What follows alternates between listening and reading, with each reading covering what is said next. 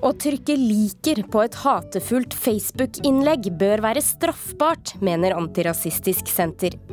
Ekstraordinær, sier den svenske akademien om Bob Dylans nobeltale. Også NRKs litteraturkritiker mener den er god. Og en av vår tids mest populære rockeband, Radiohead, spilte i Oslo i går. Men det ble et noe uengasjerende møte for vår anmelder. Dette er Kulturnytt. Mitt navn er Stine Tråholt. Velkommen skal du være. Bør man kunne straffes for å trykke liker, altså gi en tommel opp for hatefulle og truende innlegg på Facebook?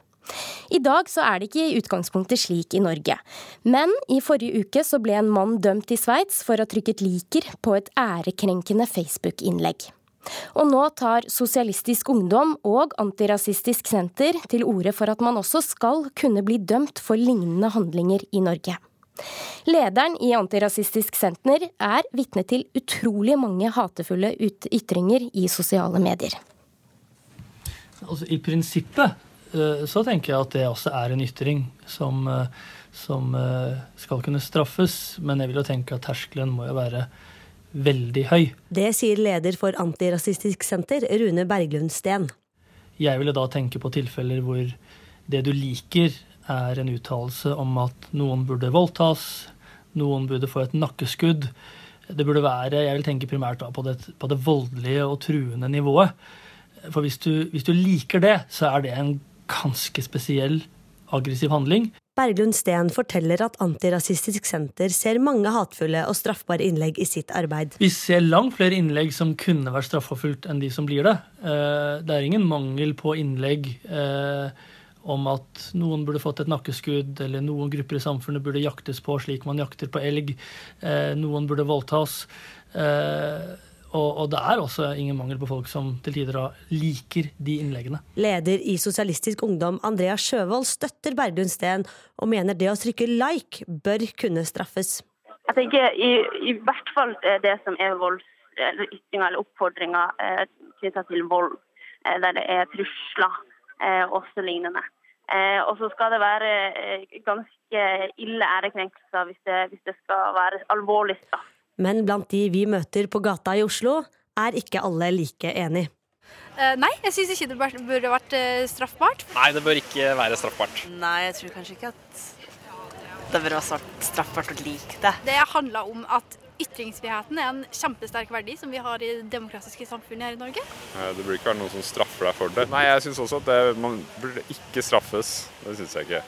Fordi eh, det er ytringsfrihet i Norge, og den bør være ubegrenset. Advokat Jon Wessel Aas er en av de fremste ekspertene i Norge på juss og sosiale medier, og han har også skrevet bok om dette temaet. Det kan være straffbart eh, i dag også, eh, i konkrete tilfeller. Der hvor det er sånn at når du klikker liker på, eh, på, det som eventuelt er en straffbar ytring, så innebærer det samtidig at du republiserer det du likte i din egen tidslinje. Altså at du selv står ansvarlig for en publisering av det samme. Og så lenge du er klar over den funksjonen, ja, da vil du ikke holdes ansvarlig eh, for å ha spredt en straffbar ytring. Han sier at det juridisk sett kan være straffbart å klikke liker på et Facebook-innlegg også i Norge. Det, det jeg sier, rent, er bare at rent prinsipielt så kan man tenke seg situasjoner hvor man blir holdt ansvarlig for medvirkning til den straffbare ytringen. Eh, også eh, hvis man klikker lik. Men det gjelder altså ikke helt generelt. Det gjør det ikke. Og Kripos de opplyser at gjennom sin nettpatrulje på Facebook så har de sett at det i første rekke er ytringer gjennom videoer, tekster og delinger og kommentarer som rammes av lovverket, altså ikke likes. Reportere her Oddvin Aune og Mari Sand Malm. Og da har du kommet inn i studio også, eh, reporter eh, Oddvin Aune. Og du har notert deg at dyre aha-billetter skaper mye oppstyr. A-ha kommer jo om to uker til den lille øya Giske utenfor Ålesund for å holde to akustiske, supereksklusive intimkonserter. Eh, men det er ingen gratiskonserter. Eh, de 500 publikummerne må betale 4000 kroner om de vil være til stede, eh, eller 6000 om du er såpass interessert at du vil se begge konsertene. Og VG skriver at folk nå reagerer på prisene på sosiale medier. En av dem skriver at folk som har vært fans av a-ha i 30 år, fortjener å bli sett på som noe annet enn ei pengeku. Eh, VG har vært i kontakt med a-ha sin manager, og han ønsker ikke å svare på årsaken til de høye billettprisene. Men samtidig som at noen klager, så må det jo også sies at billettene ble solgt ut på en halv time, så det kan jo hende at markedet hadde rett også her. Og fra a-ha så skal vi til en annen verdenskjent artist.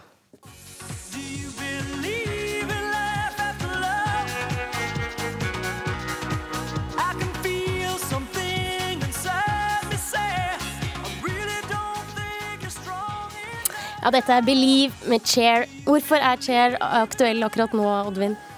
Ja, Nå får vi den låta på hjernen resten av dagen. Den Takk for det. Ja.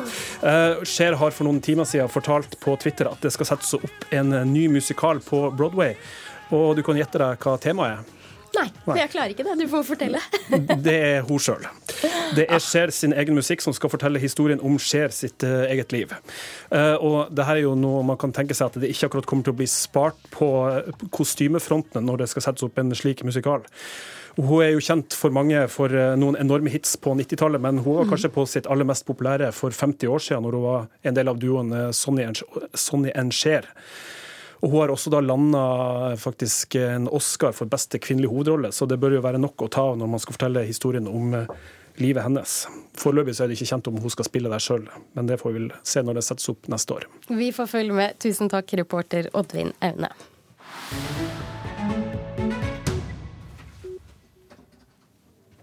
Nobelpriset i litteratur år 2016 tildeles Bob Dylan. Ja, bare fire dager før fristen så leverte Bob Dylan sitt nobelforedrag i går, og dermed så får han utbetalt nobelprispengene på åtte millioner svenske kroner. Det er første gang at en låtskriver tildeles nobelprisen i litteratur, og det har lenge vært eh, usikkert på om Dylan ville akseptere prisen, fordi han selv har vært nokså taus. Vi skal snart snakke mer om nobelforedraget hans, men eh, ja, og bare fortelle det at det svenske akademiet kaller det rett og slett for ekstraordinært. Men nå så skal vi få et lite gjenhør med alt det som har skjedd siden han fikk prisen.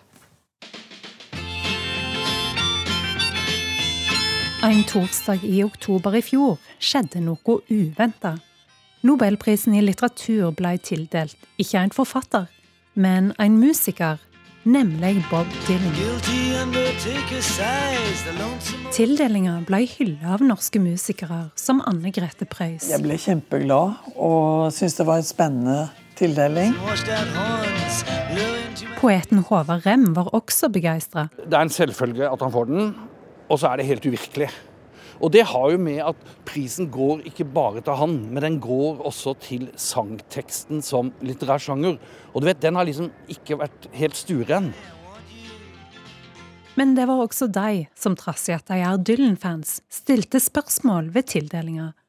En av de var musiker Knut Skreiner. Det er kunst, men kanskje en annen type. Og kanskje ikke litteratur. Dylan trenger ikke nobelprisen, og nobelprisen i litteratur trenger heller ikke han.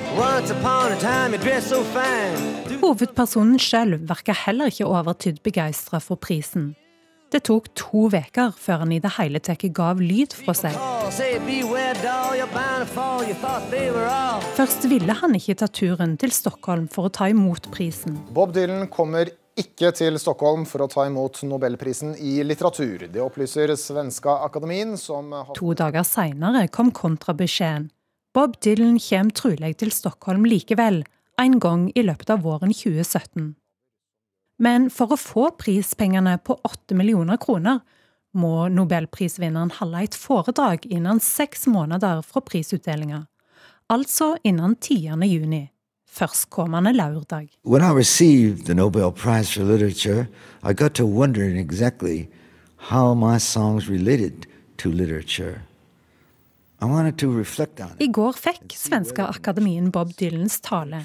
Dylan har prøvd å finne ut hvordan sangene hans er relatert til litteratur. Han har dykka ned i tre litterære verk fra ungdomsskolen, som har gjort et uforglemmelig inntrykk og som har gitt Dylan en måte å se verden på som han også har hatt med seg når han har begynt å lage musikk. Lyrics, and the themes from those books work their way into many of my songs, either knowingly or unintentionally. I wanted to write songs unlike anything anybody ever heard, and these themes were fundamental.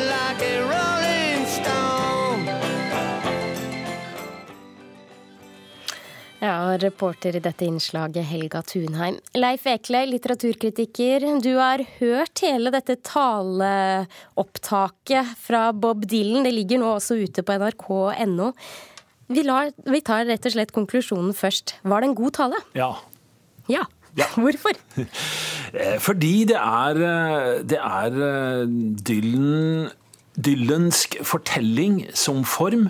Eh, Og omsatt i en tale som prøver å si noe om hva han faktisk driver med, og hvordan han forholder seg til å ha fått denne litteraturprisen. Og det er, det er om ikke annet veldig fint å høre på. Hvorfor tror du den svenske akademien kaller dette ekstraordinært?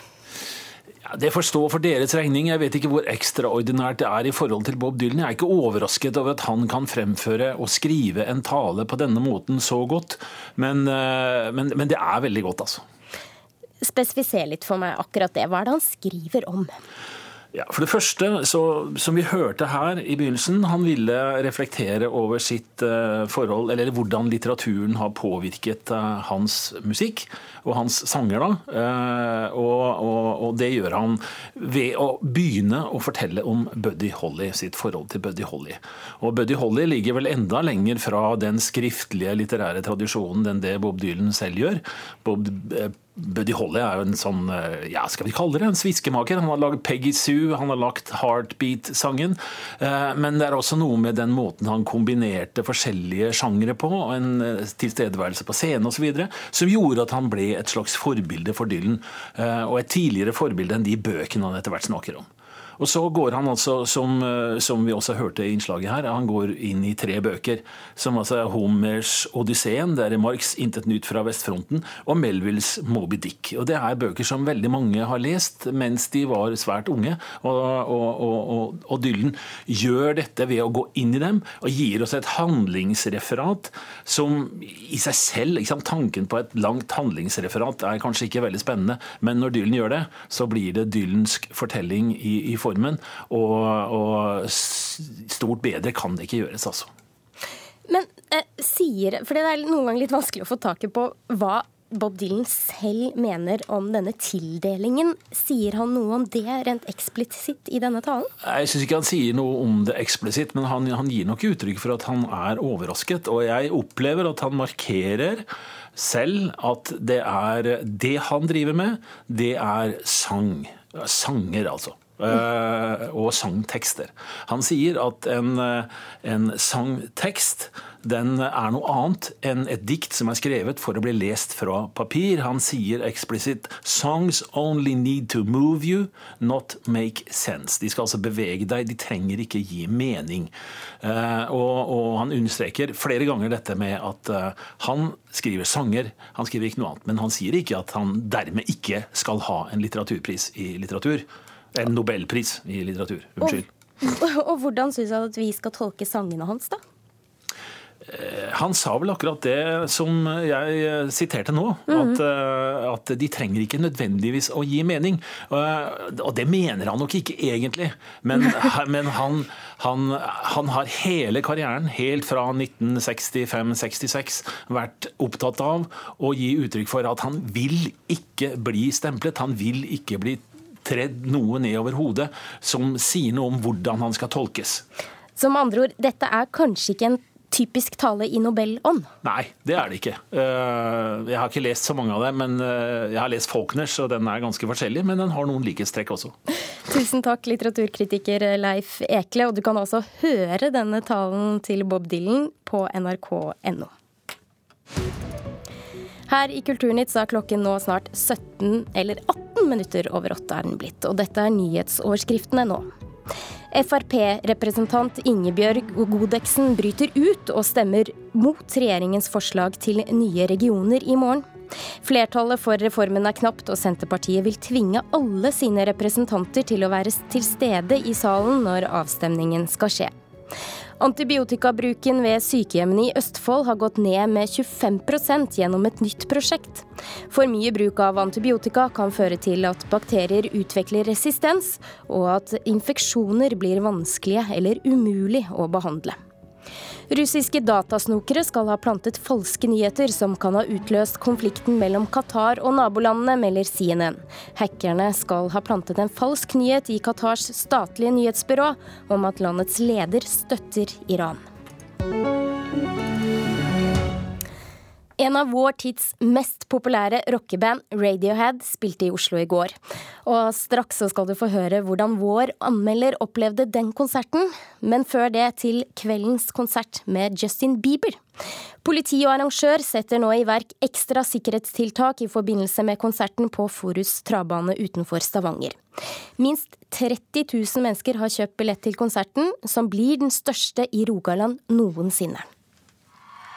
Can we do this right now? I want to chant right now. We're going to go love, love, love, love. Søndag sto Justin Bieber på scenen i Manchester under støttekonserten for ofrene etter terrorangrepet mot Ariana Grandes konsert i byen 22. mai. Love always wins in the end. Thank you so much. I kveld står verdensstjerna på scenen på Forus travbane utenfor Stavanger, som er hans eneste konsert i Norge denne gangen. Ja, for Det er jo litt stort at eh, Justin Bieber kommer hit. En av de om lag 30 000 som skal dit, er 15 år gamle Alia Selheim. Jeg tror han kommer til å bli sykt bra. Han er sykt fin, og så er altså, sangene bra, da. De nyeste.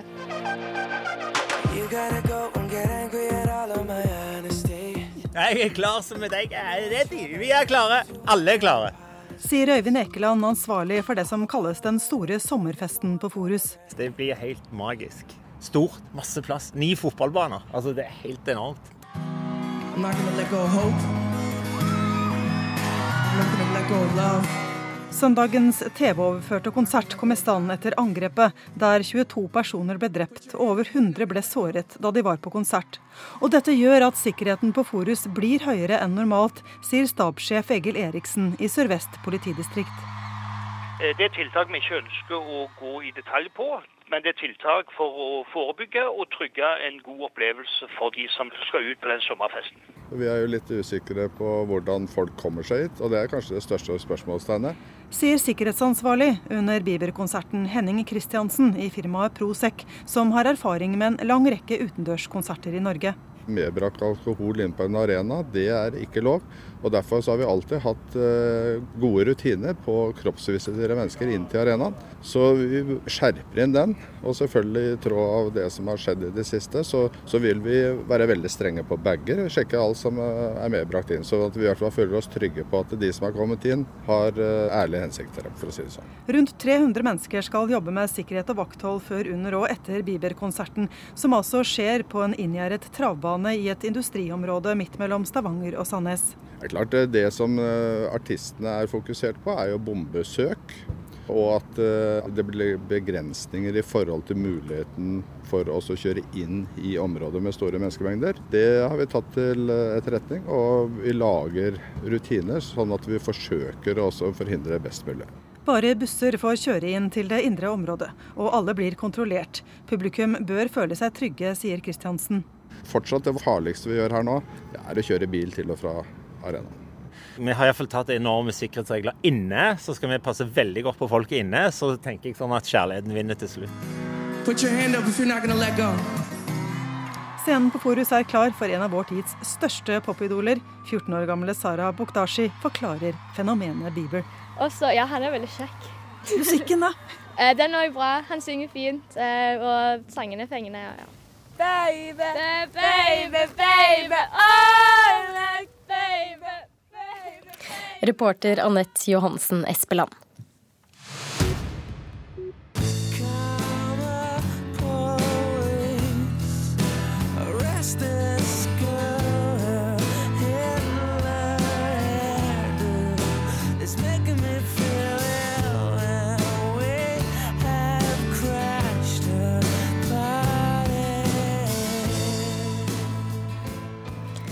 Ja, det britiske rockebandet Radiohead, her med låta 'Karma Police', karakteriseres som et av de mest betydningsfulle og nyskapende rockebandene siden de slo igjennom for 20 år siden.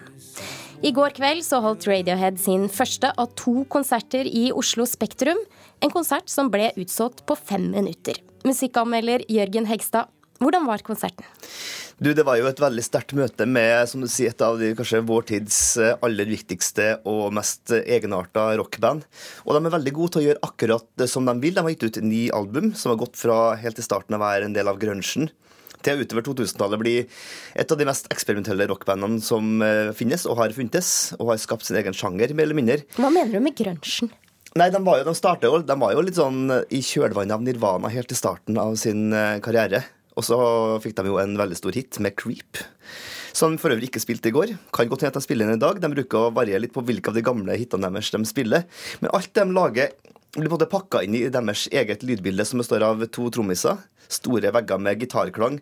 Og da Tom York, da vokalisten, som jo er en sånn litt sånn slangetemmeraktig type, som står foran der og danser på en måte som eh, er så ufunky som bare en britisk mann kan være. Mange hiter, som du sier, men hvor gode er de live? De er helt fantastisk gode live. Det er jo et band som ikke gjør noe som helst feil. Og i det så ligger også litt av kritikken min mot det her bandet. For det bandet her er såpass komfortabel med det de gjør nå, og har gjort da og, altså, og i godt over 20 år, at det tas jo ingen sjanser. Og i tillegg så er det jo ikke, det er jo ikke snakk om noe spesielt med kommunikasjon med publikum. Det er en liten thank you, og så er det noe sånn knegging før neste låt går på. Og litt av problemet også med det her showet er at jeg savner mer dynamikk. For det, er ikke sånn at det er liksom et, et, en, lang, en, lang, seanse. Det her, det her er én låt, og så slås det på et, slås av lyset, lyset på scenen. Slås lyset på over publikum. Og sånn switcher mellom hver gang. Så du, du blir liksom revet ut og inn av det som jeg syns burde vært en mye mer helhetlig og gjennomtenkt visuell så vel som eh, oppbygningsmessig opplevelse. Men, men hvis musikken er bra og fremførelsen er god, mm. må de egentlig da ha den pakka og overraske og lage nei, show? Nei, og det her kan jo slås på som litt flisespikkeri også, men eh, jeg tenker når du er et av verdens eh, mest kjente og største og rareste rockband som blir solgt ut, som du sier, utrolig fort, så syns jeg man kan også yte det lille ekstra. Konserten da, utsolgt. 9000 mennesker befant seg i Oslo Spektrum i går. Hvordan vil du beskrive stemningen, da? Ja, Den er jo elektrisk, men den er jo, jo mer elektrisk jo lenger tilbake i katalogen de kommer. Det er låtene fra deres eh, største klassiker, OK Computer, fra 1997, som er den eh, plata som gir mest applaus. Og det her er jo et band som også har litt sånn nostalgiske Det var liksom, det her var det første ordentlige rockbandet folk gjerne oppdaga. Så det er nok de opplevelsene der som sitter mest.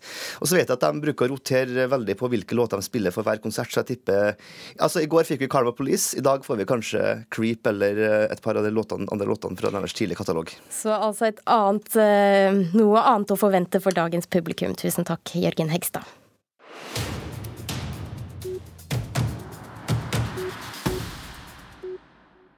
Striden om et eh, minnested for 22.07 eh, ved Utøya fortsetter. To steder har blitt utredet til nå, Sørbråten og Utøyakaia. Men naboene frykter at begge alternativene vil skape mye trafikk, og har truet staten med en rettssak. Nå krever de at et tredje alternativ blir utredet, men kommunalministeren setter foten ned. Der ser vi Utøya. Utsikten i Hole. Og vi ser jo gamle hovedbygningen med låven ved siden av. Knappe 200 meter opp i lia for Utøyakaia står vi og ser ned på Utøya med den karakteristiske hjerteformen. Og Så kan vi vel skimte det nye senteret deres oppe på toppen der. Det er her flere av naboene på Utstranda vil plassere det nasjonale 22. juli-minnestedet i Hole. Ja, jeg mener at dette er ypperlig plass for et minnested. Terje Lien er en av dem. Pga. at det er lite trafikk, ikke noe støy, ingen naboer som er plaga. Du hører så vidt E16 her oppe.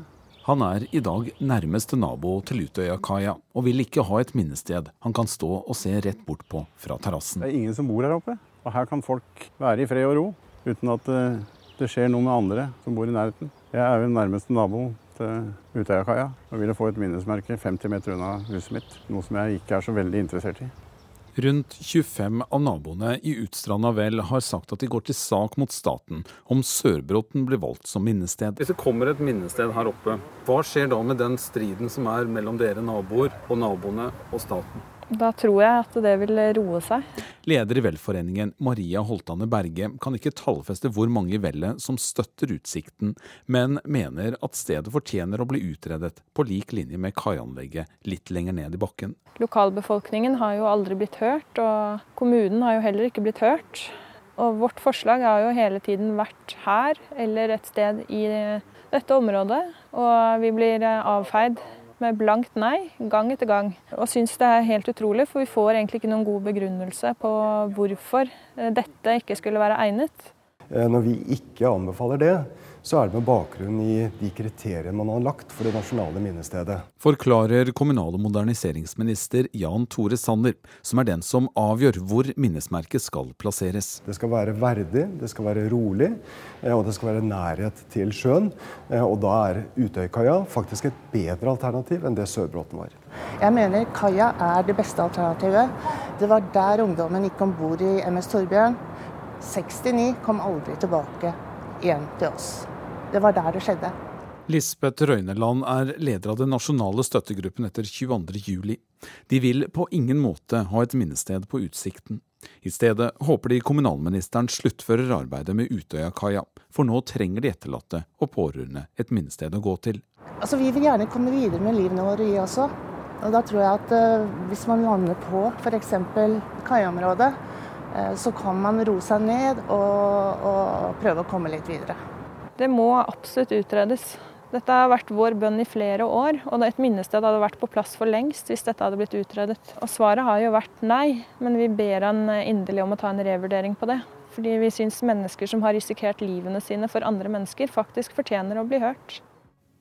Reporter her Per Håkon Solberg. Produsent for denne sendingen Thomas Alverstein Ove. Teknikk Hans Ole Hummelvold. Nå får du Dagsnytt her i NRK P2 Alltid nyheter. Kulturnytt er tilbake i morgen. Mitt navn er Stine Traalt, og Nyhetsmorgen fortsetter til klokka er ni.